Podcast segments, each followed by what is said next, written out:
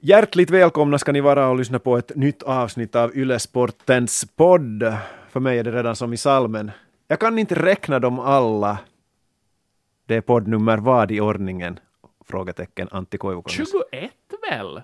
Hade vi det där minijubileumet förra veckan? Jag har ingen aning. Det gick förbi utan prosecco och jordgubbar, men jag tror det är 21. Vi kan Okej. gå och räkna tillbaka. Det går att kolla på svenska.yle.fi sporten och på arenan där man ju hittar de här avsnitten. Fantastiskt, nu har vi den pluggen gjord, så behöver inte vi nämna det längre i det här avsnittet. Och på Spotify och på iTunes. Dessutom. Mm, själv heter jag Chris Vuojärvi. Både jag och Antti, och också vår gäst som vi presenterar strax, eh, är i VM-bubblan. VM-bubblans epicentrum. Antti, förklara för våra lyssnare, för våra två, tre lyssnare, vad betyder det att vara i VM-bubblan? Nå, i mitt fall betyder det dels att jag fysiskt, eh, glädjande nog, kan sitta i samma studio som, som du för omväxlings skull. Uh, referat nästan dagligen, fullt ös, engagemang kring ett och samma evenemang. Det är liksom nästan som att vara på Äh, uh, utlandskommendering, så pass insyltad är man i ett och samma ämne. Det är roligt, det är tungt, det är intensivt, men framförallt så är det ju en fotbollsfest utan dess like. Det, det är sjukt roligt, men du säger den där ordet bubblan, och, och det kommer nog från det att man har svårt att se omgivningen omkring sig som, som där, där fotbollen inte finns, för det är så mycket fotboll just nu. Ja, intressant. Jag tror att du nämnde det kanske på Twitter eller något sammanhang igår, på söndag, att uh, man förbereder för en match som spelas samma dag, men man förbereder sig också alltid lite framåt, så det kan hända att man, man förbereder matchen som kommer imorgon, strax inför den match som man ska referera, och det ibland tycker jag är lite sådär schizofrent, att man har blykoll på Tyskland trots att man ska ha koll egentligen då på Sverige eller Ja, Danmark. Jag satt och tittade på Brasilien igår kväll och förberedde Sverige-Sydkorea, så liksom där, den, den diskrepansen i skallen hade jag där hela tiden. Och vänt nu, vilken kvalturnering var det jag gick just och vem var det som slog vem i playoff och väntas nu, vem sitter bakom bänken där? Det blir lite råddigt ibland, men sen när röda lampan går på i referatet så jag brukar oftast ha rätt papper utprintade så att det liksom blir helt rätt. Jag har säkert gjort fel någon gång, men det här, det, här det, det funkar nog. Yes, veckans gäst, han är här och väntar på att hugga som en, eh, vad ska jag klämma till med, rabiesbesmittad hermelin. Janne Isaksson, välkommen med. Hur står det till? Ja, riktigt bra. Jag hoppas jag inte ser ut som en rabiessmittad hermelin, men kanske bara två matcher in eh, i mitt VM-projekt. Än så länge kanske inte så sliten ännu, men, men så småningom säkert. Jag inser att jag sitter själv här som enda medlem i den här podden och ni är sådär Sportiga. eh, homo erectus och faktiskt står här. Borde jag ställa mig upp? Jag känner mig ganska sliten och trött, men Janne, du, du ser oförskämt pigg ut. Ja, nå kanske det, men man får ju sova bra nu här. Vi är på besök i vår tillfälliga huvudstad, jag och Antti.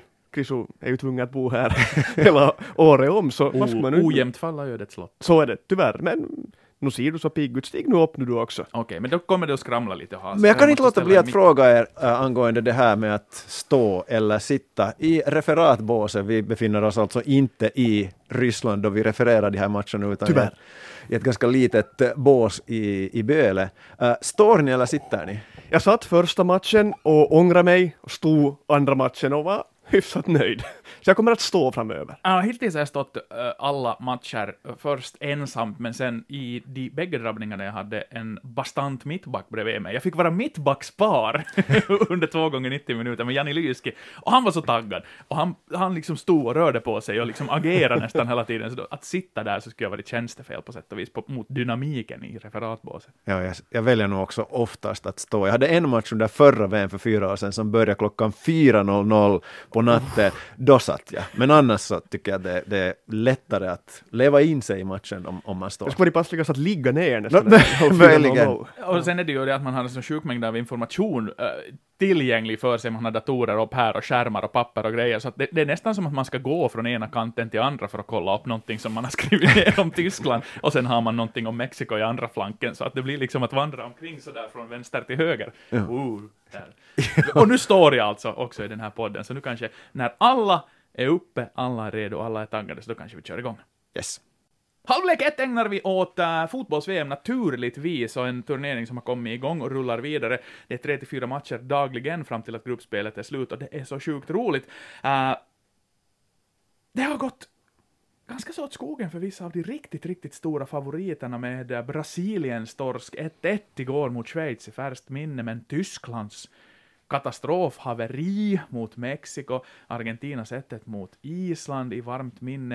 Uh, är det någon gemensam nämnare här nu, Janne, eller, eller är det här bara liksom slumpartade resultat? Ja, överlag så tycker jag ju att den här inledningen på VM har gett få svar, för jag tyckte det var ganska tydligt då inför premiären att vi har de här stora och de kommer ganska enkelt att rulla igenom gruppspelet. Jag hade inte förväntat mig, förstås ingen kanske hade förväntat sig att Tyskland skulle förlora öppningsmatchen, att Brasilien tappar. Frankrike är ju enda favoriten egentligen som vann sin match Mm. och de gjorde det utan att imponera.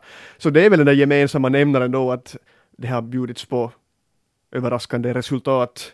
Hela favoritskaran över, nu är Belgien kvar där och kanske kan ge något av ett formbesked och stormvarning i, i sin match mot Panama som kanske många sitter när de lyssnar på den här podden. Men, men inte vet jag så många, många gemensamma nämnare sen de här lagen emellan att uh, nivån på oron är nog olika hög i, ska vi säga, Argentina och Brasilien till exempel. Mm, jag skulle ändå vilja lyfta fram två detaljer som jag tror att är som någon form av gemensam nämnare vad beträffar då de här storfavoriterna, mästarkandidaterna som lite har inlett knackigt.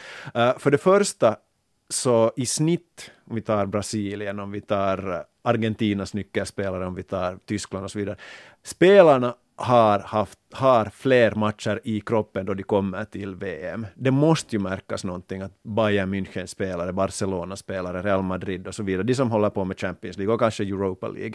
Så det kan ju lätt bli 20 extra matcher jämfört med då Schweiz eller med islänningar. Så, så det jag tror ju att det här kan påverka, att kroppen inte är så fräsch som den skulle kunna vara. Uh, och sen på det, det andra är ju att uh, någonstans ändå så är också de här sämre lagen, de är så otroligt sofistikerade vad beträffar försvarsspel nu för tiden. Jag kan tänka mig att till exempel många lag har tittat på Island, att hej, man kan nå framgångar om det inte finns fripassagerare, om man vet exakt på vilken position man ska stå på, hur man ska jobba i defensiven. Så att inte det är nu så stora skrällar inte, trots allt. Nej, och jag menar Mexiko är ju ett riktigt bra fotbollslag, det är ju inget snack om den saken, och de gör det så sjukt bra, de gör ju en, en, en, en tudelad grej, det vill säga de går ut och spelar skjortan av, av, av Tyskland i första halvlek och sen så köttar de till det och bara tar emot och håller ut i andra halvlek och det är roligt att se, det vill säga de visar upp två olika ansikten. Äh, att Island krigar sig till poäng är ju fantastiskt roligt med tanke på att det var så mycket snack om att vi kan nog säkert fixa oavgjort mot Argentina när jag besökte Island då äh, för ett par veckor sedan. Man hade en sån så stark tro till att vi är så kompakta, så vi kommer nog inte att kollapsa under det där trycket, och efter det kan vad som helst hända. Och nu står de där med en poäng var, och så är det Kroatien som är i topp, och, och så liksom eventvärdet på fortsättningen av turneringen skyhögt. Och det att Tyskland ska gå in i ett gruppspel och spela en måste-match. När har det liksom hänt senast? Att de har liksom varit i ett läge att... 1982 typ. Exakt, så att det här, jag menar, vi var tre, två, fyraåringar, det var ju- Janne var Minus inte ens fyra. född då heller. Så att, att, att jag menar, det, det har ju skapat en spänning i ett gruppspel redan som är jätteroligt. På något sätt brukar man ju ändå tänka att VM börjar när slutspelet börjar, det vill säga efter att man har tjatat av ett ganska förutsägbart gruppspel. Nu är den där förutsägbarheten Mm. som, bortblåst. Och framförallt tycker jag kanske det, Janne, du tangerar det här med att vilka lag ska vara oroade. Jag tycker att Argentina och Tyskland, Ja. där kanske det bör, finns orsak att titta riktigt på allvar på hur de här två lagen spelar. Och Tyskland, jag tror jag nämnde det här i, i något sammanhang, endera en podd eller i, i Vegasporten, det känns som att det här laget lite kanske är ändå over the hill. Det är samma stomme som för fyra år sedan. Många av de här nyckelspelarna var med redan för åtta år sedan. Är hungern där? Är de lika snabba? Är de lika bra som för fyra år sedan? Och, och är koncentrationen där? Um, någonstans är det ju inte helt unikt att den regerande mästaren Det är ju öppnar verk- så här. Det är ju tvärtom. Nej, exakt. De, de faller ju ut nästan varje gång. Ja. Så på det sättet är det inte något konstigt. Och, och liksom Jochi Löw har varit där jättelänge och han har ju byggt upp en jätte, ett jättefint Tyskland med det här klubblagstänket och de har en jätte, eller har haft en jättetydlig spelidé. Alla vet precis sina roller som verkligen inte faller i alla landslag, till och med få av de här topplandslagen, att det är som ett klubblag och de har ju haft dåliga träningsmatcher nu inför, men Löv har sagt att det kommer den här nerven, när den slår in så, så kommer också resultatet. Men nu verkar det som om de kan gå många tidigare världsmästares öde till mötes. Nu kanske nu jag, jag inte tror att Sverige och Sydkorea ändå rår på dem, men jag tror inte heller, bara på basis av den här ena matchen, att de kommer att ta sig till final. Nej, men sen kan de ju gå och bli tvåa i gruppen. Och då har vi ju redan Oj. en, en sån Vilken otrolig... pärla. Ja, exakt! Så att liksom, äh, redan det roddar ju till allihopa slutspelsträd. Alla slutspelsträd som folk har räknat upp säkert till vår fotisexpert också har ju byggt på att, att, att Brasilien toppar sin grupp och Tyskland toppar sin grupp, och det behöver inte alls bli så. Äh, med det sagt så tror jag precis som Janne att de kommer att fixa biffen båda två, men Tyskland har ju en uppsjö av alternativ om de skulle våga, om Joakim Löw skulle våga rodda till det. Det var ju bra i Confederations Cup med ett helt annat lag. Fullständigt andra spelare. Du har en Syle som du kan plocka in som mittback. Varför inte en Rydiger? Det finns jätte, jättebra spelare om du känner att Hummels och Boateng kanske har. Men det var inte där kanske Där kanske mittfältet tycker jag Kroos och Kedira kanske inte klarar sig längre på Precis samma problem som Argentina hade med, med Mascherano och Biglia. De fick bollarna men kunde inte leverera det. Så att... Uh, Men det finns inte understöd ja. där för Messi, när vi Ja. talar om superstjärnor som inte levererar, som vi har ju den andra superstjärnan, Ronaldo, som är precis lika trött och har precis lika många matcher, Mm. som slår in ett hattrick i premiären. Och Messi, är, Argentina är sämre byggt om vi jämför de två lagen. Portugal och Argentina, de är inte de mera som längre som gör jättemycket jobb, Ronaldo och Messi, de som två som springer säkert minst i hela VM kanske till och med. De håller sig ganska mycket uppe, har inte med defensiven att göra, men, men Portugals spel är betydligt vettigare byggt så att de kan utnyttja Ronaldos styrkor. Att han just får göra de där målen, han gör sina spurter när det behövs och när det kan ge utdelning. När Messi sen måste göra massa, han måste göra allt själv som det verkar. Den där mittfältsduon som du nämnde där, så det, den stöder inte tillräckligt. Så därför känns det som att Argentina i mina papper är den som ska vara mest oroad av de här stora kanonerna, för de, där kan jag se att de kan missa till och med avancemanget. Förlust mot Kroatien i följande match, Kroatien, eh, Island vinner samtidigt Nigeria, så, så står man där då Äh, med fyra poäng för Kroatien och Island sex poäng för Kroatien och, och Argentina på en. Så, så där kan det sen vara riktigt nerv i sista omgången. Mm. Jag vill ännu lyfta fram det här om Brasilien. Uh, första halvleken var ju bländande mot Schweiz. Då var ju de flesta, jag inkluderat, så att ah, det här tåget, det tuffar nog framåt. Nå, det slutar 1-1. Och lite igen, om jag, om jag talar om Tyskland som att, att det här kanske finns lite till exempel då Spanien 2014-vibbar, regerande mästaren som, som går knackigt. Men det finns också lite 2014-vibbar i Brasilien. Uh, Gabriel Jesus tyckte jag var rent ut sagt pissdålig. Och, och, och precis som för 20, 2014, då hade man Fred, eller Fred, hur ska man uttala honom? Jag säger Och han- Fred. Fre- Och Fre- Tite. Freddy. Ja, så ah, han var ju på nå- någonstans då 2014 den felande länken för Brasilien fram till då 21. Att, att det levererades inte av spjutspetsen. Men nu har de då Roberto Firmino Exakt. på bänken att slänga in, så där finns ju Ja. ändå alternativ. Ja, äh, jag tror faktiskt att Brasilien eh, är, är betydligt bättre eh, rustade för att röra om i, i grytan. Eh, det måste jag säga att ah, jag, tippar fullständigt åt skogen under VM hittills. Alla mina tips har gått, gått, gått åt fanders. Niko, nioåringen, dominerar mig, männen tullen ja palatessa. Men! Brasilien, Schweiz, det första resultatet jag satt. Oj. 1-1, så jag var så sådär, haha, Precis nu, nu som- vänder det. Ja precis, jag har också gått ganska knackigt i tippningarna, men min morsa satt 1-1 Brasilien, Schweiz och Tyskland, Mexiko 0-1, så där har vi kanske familjens Men berätta varför.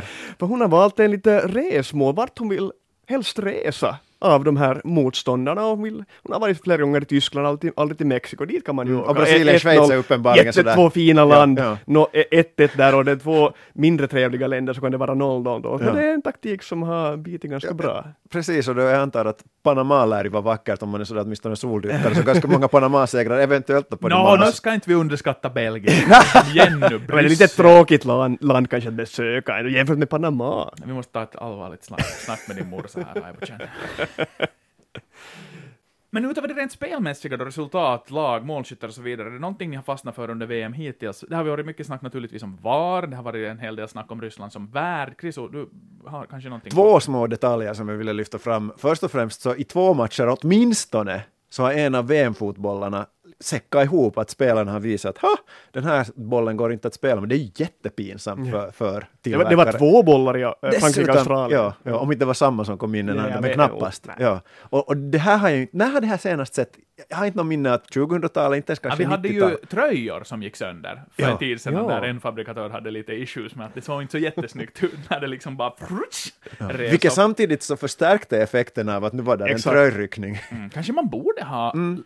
Sämre tröjmaterial för att domarna skulle märka dem, att direkt du tar i någonstans så är det bara så ropsch. Kanske det här då förstärker, kanske det här då förstärker hur kanoner vissa har, de sparkar sönder bollarna. Mm. Ja, ja, ja, vi, vi har en, vi har haft ganska länge faktiskt, en eh, officiell matchboll, alltså den här VM-bollen där hemma, näst, nästan ett drygt halvt år, så att största delen av den här våren, uh, Gårds spelandet har gått, gått åt att lira just den här bollen. Jag har gillat den faktiskt. Eh, det fanns en, en, en boll som hette Beaujeu för två år sedan, Eh, den franska versionen, den var riktigt bra den också, men, men den här kändes snäppet mera klassisk, mera sådär anrik, respektfull för traditioner, men sen i skarpt läge kanske det är så att jag inte helt enkelt har en tillräckligt hård kanon för att testa den där bollen tillräckligt, för nu, nu är det ju, det är ju som du säger, det är ju pinsamt eh, Eh, där på det kontoret idag, det är krispalaver, de håller på just nu, det är måndag förmiddag här för oss, så jag tror att de sitter nu också och funderar att det här kan ju inte vara sant, nu måste vi göra någonting, för det får ju inte hända på den där nivån. Men det roliga också att under veckoslutet så var det en del frågor, jag fick riktade frågor till mig att, att den där stora, jättestora bollen i studion, Precis, att ja. var får man tag på sådana? Det, äh, det, här är ju dessutom, det, det är ju helt fullt material, rätt sorts material, det är en fotboll, bara att den är gigantisk. Äh, prislappen någonstans kring 300-400 euro, alltså rent materialmässigt. Äh, men svaret på den frågan som har ställts är den att, att, att den bollen är öronmärkt för vinnaren i Fotbollsexperten. Det här svarar Riku Salminen på som är, är programledare, så att han han kunde avslöja att, att, att inte nog med att man vinner ära och berömmelse och en massa prylar, så blir det också en, en jätteboll med mycket bra autografer att ställa äh, i, i sitt, sitt rum. Har du Janne fastnat för någonting under VM? Och inte lika liten detalj, jag, jag tänkte bara lite gnällspik här. Yes. Eh, Inte Yes. gnällspik, men lite negativ, för jag funderar och tycker det är så otroligt roligt med VM och det har varit nästan bara bra matcher, också sådana Mar- Marocko, Iran som ändå bjöd på lite underhållning och så vidare. Med betoning på lite. no, men i alla fall, men jag är rädd för och nu är det förstås ett litet sampel av det här, vi är mycket kvar av den här turneringen, men när vi får det där jätte-VM om åtta år, så herregud, alltså, för att det är ju framförallt då Afrika och Asien som får fler platser, och jag kollar nu jag hade inte tråkigt igår kväll, men jag hade fem minuter extra på poängsnitten hittills, och den första omgången är ju inte ens över och så vidare, men Afrika har noll poäng i snitt, Asien en poäng, sen Centralamerika tack vare Mexiko en och en halv, Sydamerika har bara 1,25 faktiskt, men de får inte heller så fler, många fler platser. Och sen Europa 2,1 och den enda som förlorat är Tyskland. Och det är Europa får bara tre platser till Afrika, fyra Asien 3,5. Så jag är lite rädd att det tar bort från den här VM-festen om eh, åtta år. Att det kommer då tre sämre lag än, än Panama. Saudiarabien. En Saudiarabien på riktigt som, som var klart med till VM. Att det kommer då Syrien och Nordkorea och så vidare. Att det, Nya Zeeland var väl där och fika efter en kvalplats också, så de låg Ja. nära till hands. Oceanien får ju garanterat en Ja, plats. och, vi, och, och nu ska vi ju inte säga att, att de alla är dåliga som kommer därifrån. Det finns också ljuspunkter och säkert kommer också någon i den här turneringen att stiga fram av de mindre. Och dit räknar kanske inte Mexiko utan ett ännu mindre. Men när det finns också de här dåliga och det kommer att bli fler matcher mellan de här svaga länderna. Det kan bli då ett Saudiarabien, Mot Panama. Skottland. Ja men exakt. Så, så, så det, det dämpar den här ivern framåt. Det har inte, ingenting med den här turneringen att göra men i alla fall. Här går ju Uefa ändå i bräschen för utvecklingen och också expanderar sitt EM och sprider ut det på en massa orter. Ja. Så att vi bevittnar ju nog liksom eh, den sista döende svansången av ett turneringsformat, ett kompakt turneringsformat, den som vi har lärt känna och älska. Fotbollsromantikerna i oss upplever att det ska finnas där i ett, ett litet Fabergé-ägg som man kan ta fram och plocka upp och kolla att oj vad den där turneringen var häftig. Det blir ju någonting helt annat, både följande EM, men sen framförallt som du nämnde det här megalomaniska VM, VM-slutspelet, där en fjärdedel av världens nationer är med. Mm, men Finland. Är med. Inte enligt den här kvalen, men no, no, ja. Nej, chansen att bli Vi större. ska dit, men är det då sen sämre det också på sätt och vis? Eh, vi har inte tagit oss till ett sånt här Fabergé-VM eller EM, är det kul sen att komma med till Och den det gäller ju att, att leverera sen där i EM eller. VM den dagen då Finland är Ja, med. jag tar nog allt. Ja, absolut. Alla absolut. duger. Idrottsvärlden den kretsar ju inte enbart kring fotbolls-VM, kors i taket där. I andra halvleken av Ylesportens podd så tar vi finländsk friidrott under lupp, inte minst för att svensk-Finlands motsvarighet till A. Lennart Julin finns i Oj, studion herregud. i form av Janne Ska Isaksson. vi döpa om honom till V. Janne Isaksson? Ja. För det skulle vara ganska snyggt. Och avslöja nu då för våra uh, Varifrån lyssnare. V kommer. ja. Ja. Nej, han får berätta det själv, plus att han får belysa bakgrunden. Janne Isaksson, vad heter du i andra namn? Viking.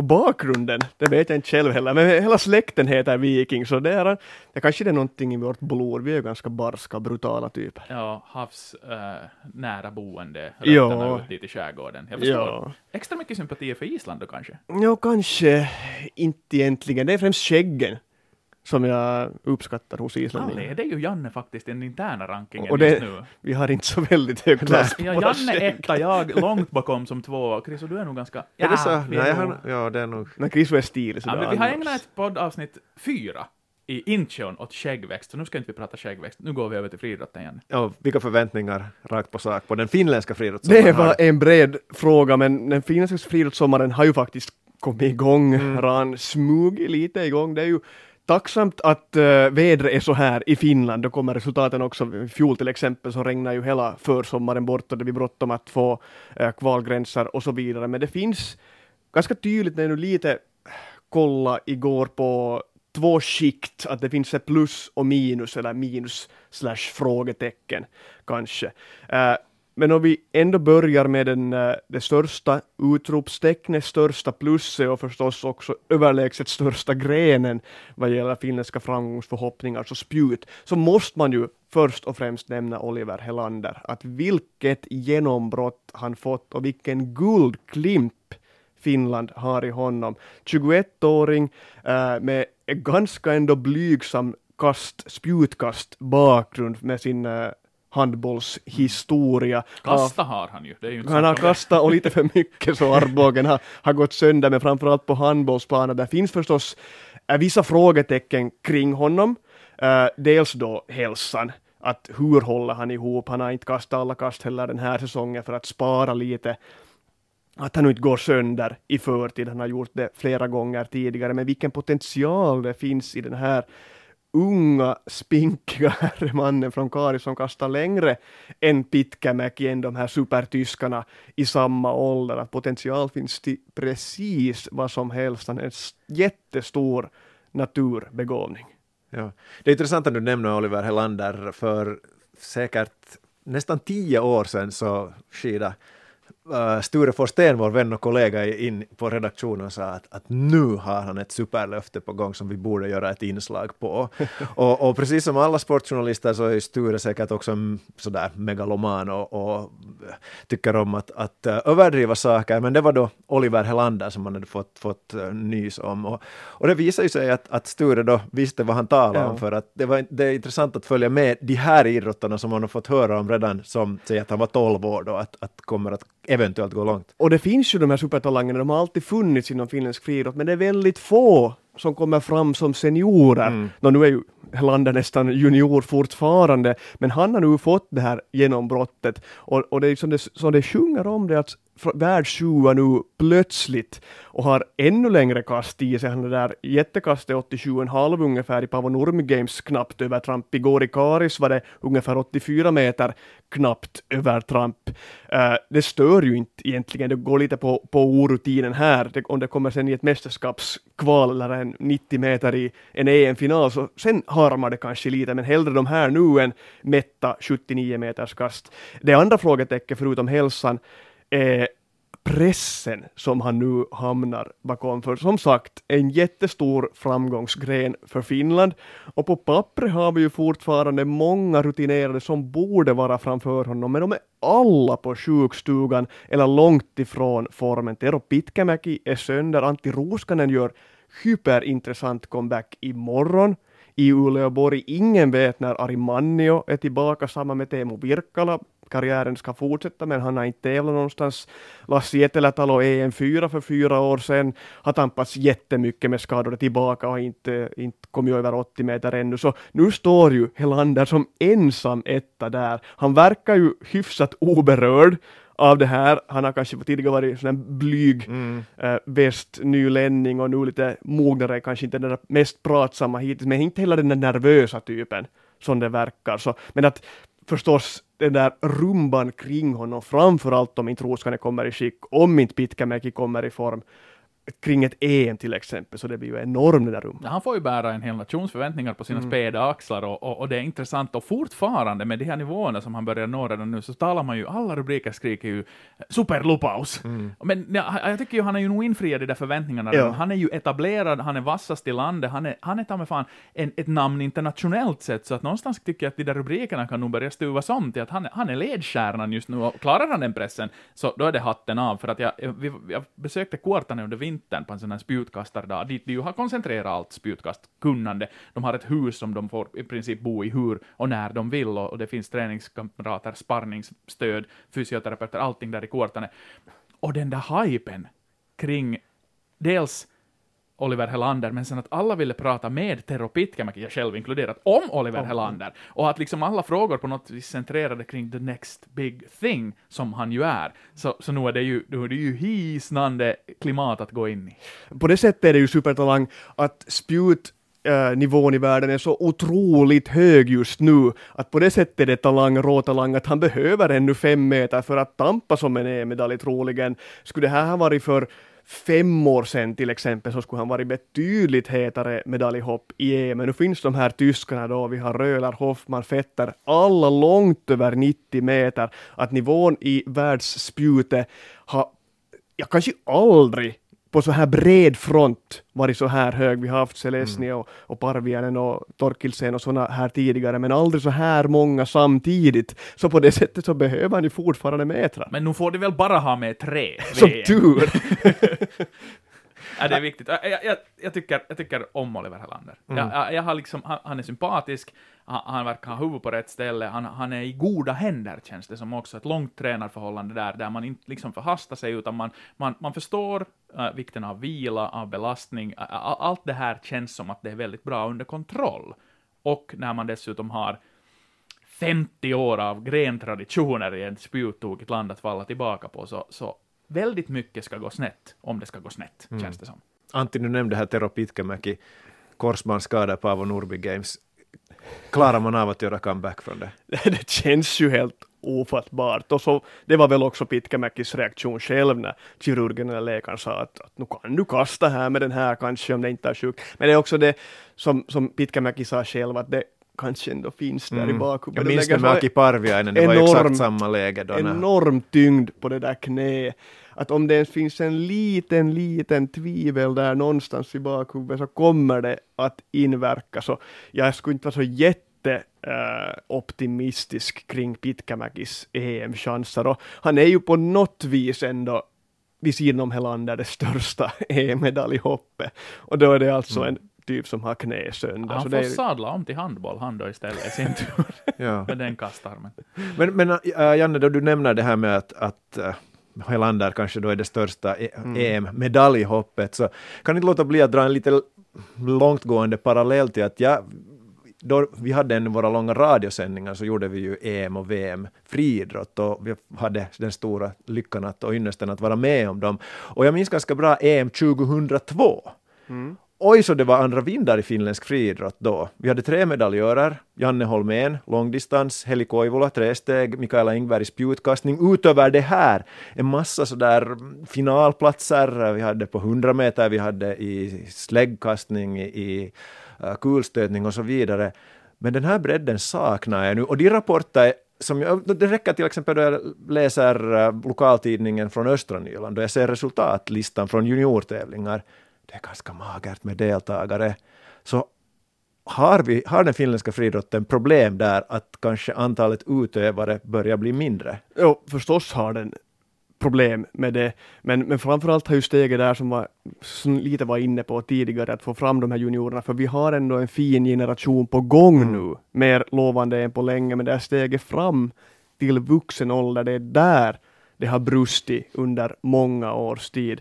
Att om vi tittar på EM-hopp så 2002 var det bra bredd i 2006 i Göteborg var det en hyfsad bredd med Jukka Keskisalo tog guld och Olli-Pekka Karjanen. Jag kommer inte ihåg hur mångt han var, men nu är han åtminstone Europa Han, han, han tog ett långsiktig, en långsiktig medalj. Ja. Efter det har Finland tagit åtta medaljer i EM och VM-sammanhang.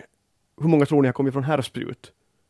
Rubbet. Alla, alla medaljer. Vi har, Finland har inte tagit en enda medalj förutom i herrspjut i eh, friidrotts EM och VM sedan 2006. Det har varit Roskanen, det har varit, framförallt varit då Pitkämäki, det har varit Manni och så vidare. Men äh, därför så ligger ju så stora förväntningar på det och inte finns den där bredden ju nu heller där. Att om vi tittar på EM-medaljhopp, förutom då herrspjutet, så Simon Lipsanen möjligtvis har gjort en väldigt hoppingivande tävling i tre steg. Vi har Veli-Matti Partanen som är duktigt på gång på 50 kilometer gång, men, men där är de också ungefär, och det är inte så att de är medaljfavoriter, utan de är kanske outsider-kandidater. Visst finns det ett problem och det har ju, flera problem har ju också, äh, man har upplyst dem under vårens gång då till exempel trestegshopparen Kristina Mäkelä, just mm. det här steget från junior till senior när inte Friidrottsförbundet enligt henne och flera andra vad jag förstått på fältet stöder de här ungdomarna tillräckligt, erbjuder inte bara pengar, de har kanske misslyckats med medelinsamlingen och det finns inte tillräckligt mycket sponsorpengar bakom Friidrottsförbundet där till exempel något ett jämförbart skidförbund har gjort betydligt bättre ifrån sig, men också det här gratisstödet som till exempel SFI, de svenskspråkiga mm. föreningarna, är betydligt bättre på. Att man, man helt enkelt ringer upp en junior. Hur går det? Behöver du någonting? Behöver du hjälp med maten eller, eller någonting annat, stödfunktioner? Att det är där det har kanske saknats också. Friidrottsförbundet då, förutom då förstås föreningarna att locka till sig ungdomar och så vidare, det är ett betydligt svårare arbete, men de här stödfunktionerna är någonting som förbundet definitivt skulle kunna bli bättre på. Mm. Det var ju en, en, en frisk taltur på sätt och vis, som hon kom med, Kristina, när hon, hon gick ut med det här i, i bloggformat, och hon målade ju upp en, en obehaglig bild av hur ensamt det är. Jag menar, vi har ju, det här landet kryllar ju av förbund och förbundstränare och förbundsanställda, men att det kan gå så där snett och att det måste gå till det, att det inte finns en dialog, utan att det blir ett, en, en, en offentlig kritik som sen tas upp av andra medier, bland annat oss själva. Så, så det, jag hoppas ju och tror innerligen att det har lett till någonting och kommer på sikt att leda till någonting, men jag är inte så säker. Jag vet inte heller. Eh, kanske det behövs då personalförändringar och det har faktiskt skett också här. En har blivit på semester eller på pensionera sig här under sommar, vår, kvisten. Uh, eh, ingen rök utan eld, det här är bara en sanning förstås, men säkert finns det någonting bakom, kanske inte så här brutalt, men nu ska det ju mycket till för att en OS-idrottare som Mäkelä under aktiv karriär på väg mot ett EM igen går ut och pratar i så här kritiska ordalag. Ja, jag nämnde ju redan tidigare det att det, jag tror ju inte knappast Oliver Helander upplever det här problemet och, och upplever som att det inte skulle finnas stöd, för det är en tyngdpunktsgren. Jo. Men du har Kristina Mäkelä, ensam duktig utövare, ursäkta Sandra Nygård, äh, liksom i en gren där, där hon verkligen har nått resultat. Uh, så att där, i, i vissa grenfamiljer kanske det har varit sämre än i andra. Så mm. måste det ju vara. Absolut. Det finns tyngdpunktsgrenar och spjut får ju förstås de största rubrikerna och pengarna. Ja, Sanna har väl dessutom då det här SFI-paraplyet mm. över sig som, som mm. vi inte ska underskatta. Nej. SFI gör ju så otroligt bra resultat, till exempel i, Kaleva-spel, år efter år med tanke på då den finlandssvenska befolkningspopulationen så borde inte SFI ta så många medaljer, men det görs bra juniorarbete på många håll, inte minst i Österbotten. Men om vi fokuserar på topparna till sist i den här friidrottsdiskussionen i podden. Uh, vilka SFI-friidrottare tycker du, Janne, att vi ska ha mest fokus på nu de kommande veckorna, de kommande månaderna? Uh, framförallt de kommande månaderna. Camilla Rickardsson har en jättebra säsong. Hon är inne på karriärens klart bästa. Hon har byggt en jättefin grund under Gui Storbacka, men kanske inte riktigt fått ut det sen i prestationer, i tävlingar. Hon har haft ännu bättre tider i sig, men nu under Jukka Keskisalos ledning, de verkar ha ett väldigt spännande samarbete på gång. Hon kanske inte ännu når upp till EM-medaljnivå, men topp 8-nivå. Hon har aldrig, aldrig varit i en mästerskapsfinal.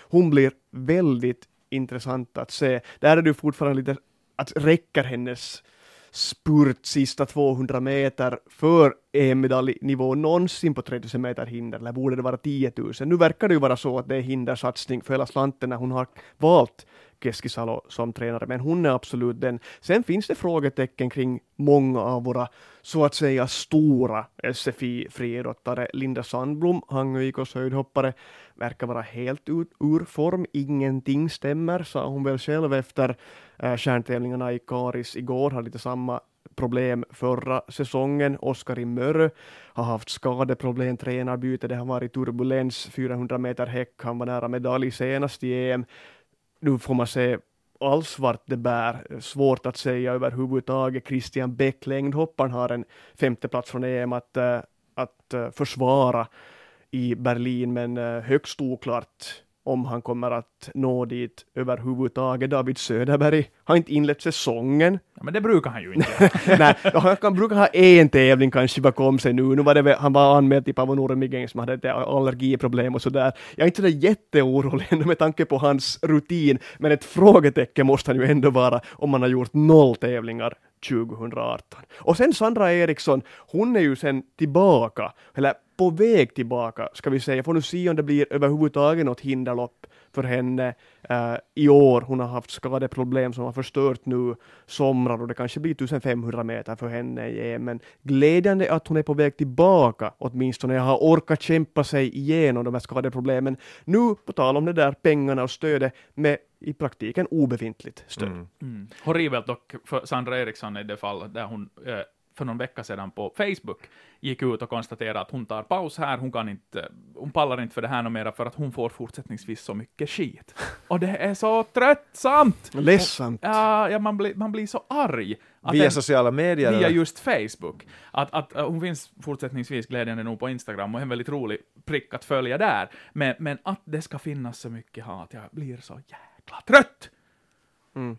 Hej förresten, jo, SFI, det måste vi ändå nämna, juniorerna, för kanske mm. de största friidrottstävlingarna Uh, det är klart att det är de största friidrottstävlingarna på finländsk mark i sommar. De går av stapeln i Tammerfors och det är junior-VM och det är de största juniortävlingarna i friidrott. Hit kommer alltså på riktigt eliten. Det är här som Usain Bolt har tagit sina första VM-guld och så vidare. Och där har vi faktiskt, uh, vi har flera medaljkandidater, men, men tre riktigt heta och två av dem representerar SFI-föreningar. Saga Andersson, Esbo IF i stavhopp, uh, eh, inlett säsongen alldeles strålande, nu lite sådär hinner jag hinner de här senaste tävlingarna men, men fortfarande högt upp i Europastatistiken och världsstatistiken. Vivi Lehikoinen lite längre ifrån på 400 meter häck och där finns en superstjärna in the making, Sidney McLaughlin, som är kanske den mest spännande friidrottaren vi har just nu, kommer att slå världsrekord.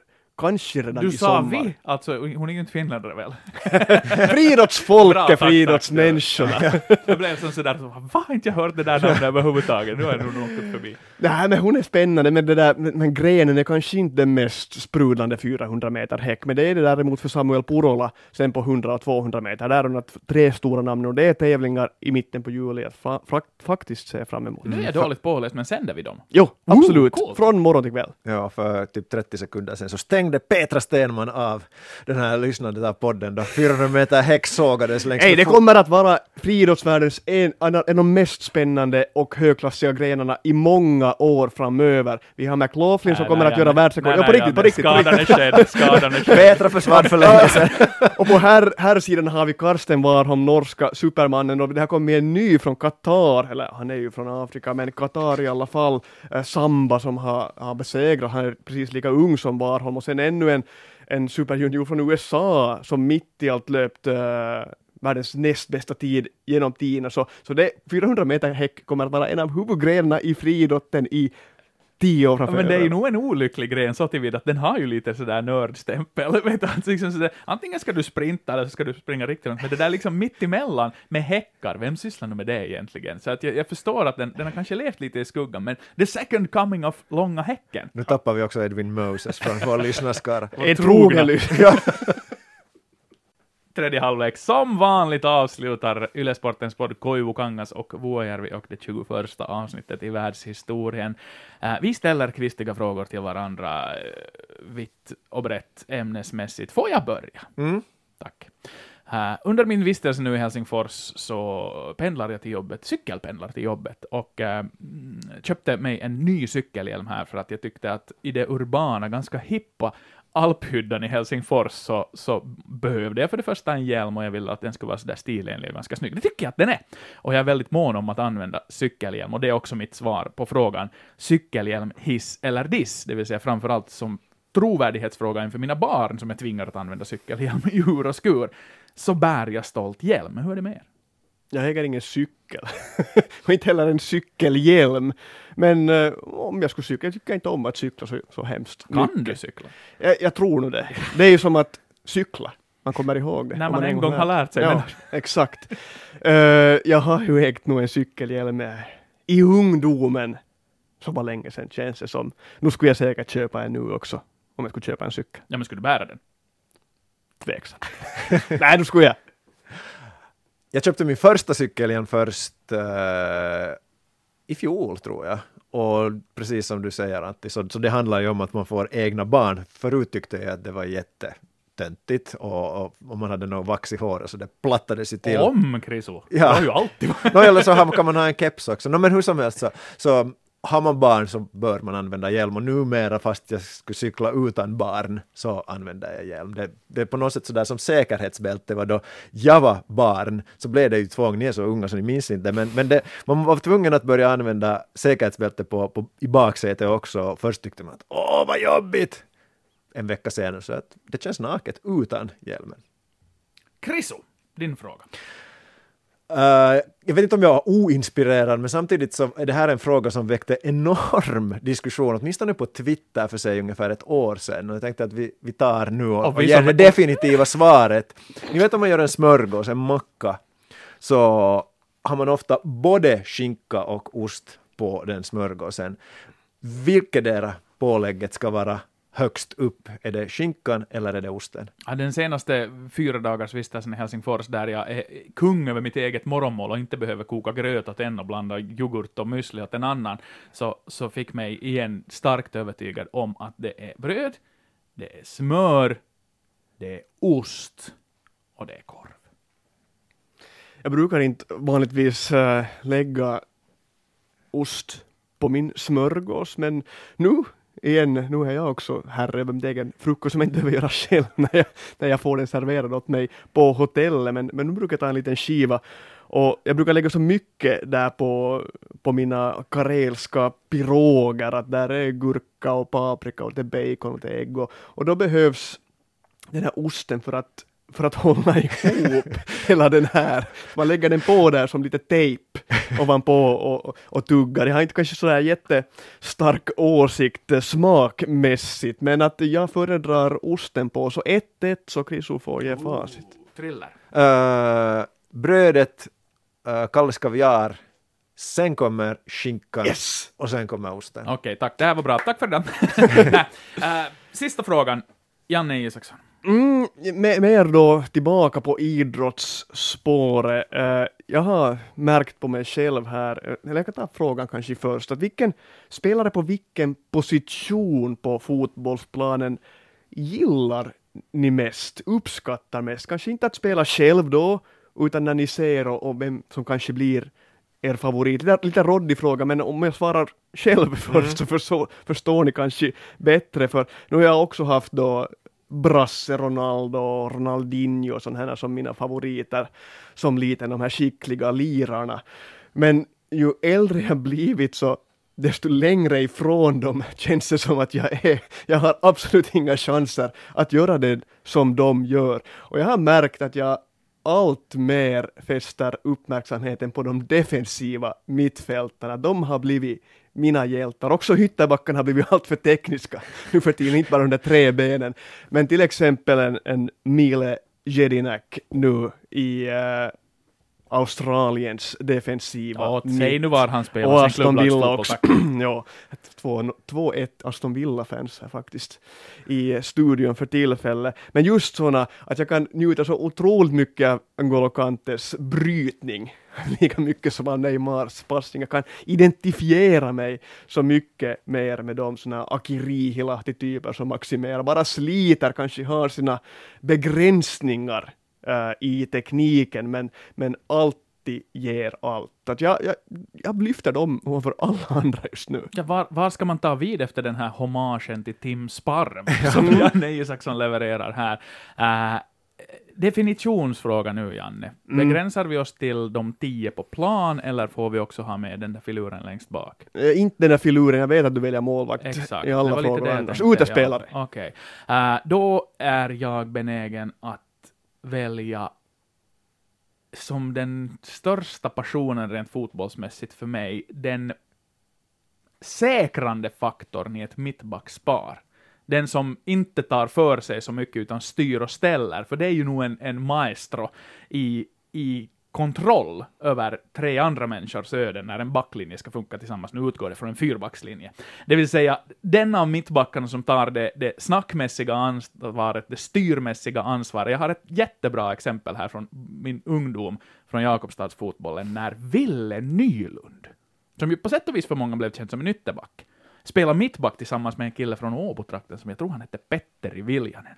Och den här Petteri Viljanen gjorde en jättebra säsong i Jaro före han stack iväg till Inter, men han var den här som Hummels och Boateng igår i Tysklandsmatchen, gick och tog alla bollar, gick upp och plockade rubbet, men bakom honom där så stod Dr. Evil, Ville Nylund och höll i hela paletten och styrde och ställde precis som han ville. Han var alldeles lysande i den rollen och där någonstans så insåg jag att, att, att det där är en spelartyp jag gillar och, och det gör jag än i denna dag. Svårt att säga nu till exempel när Sverige möter Sydkorea, att är det, vem är Ville Nylund av Lindelöf och Granqvist? Jag skulle säga att det är Granqvist kanske Mm, ändå. absolut. Så att, att, att den spelartypen gillar jag.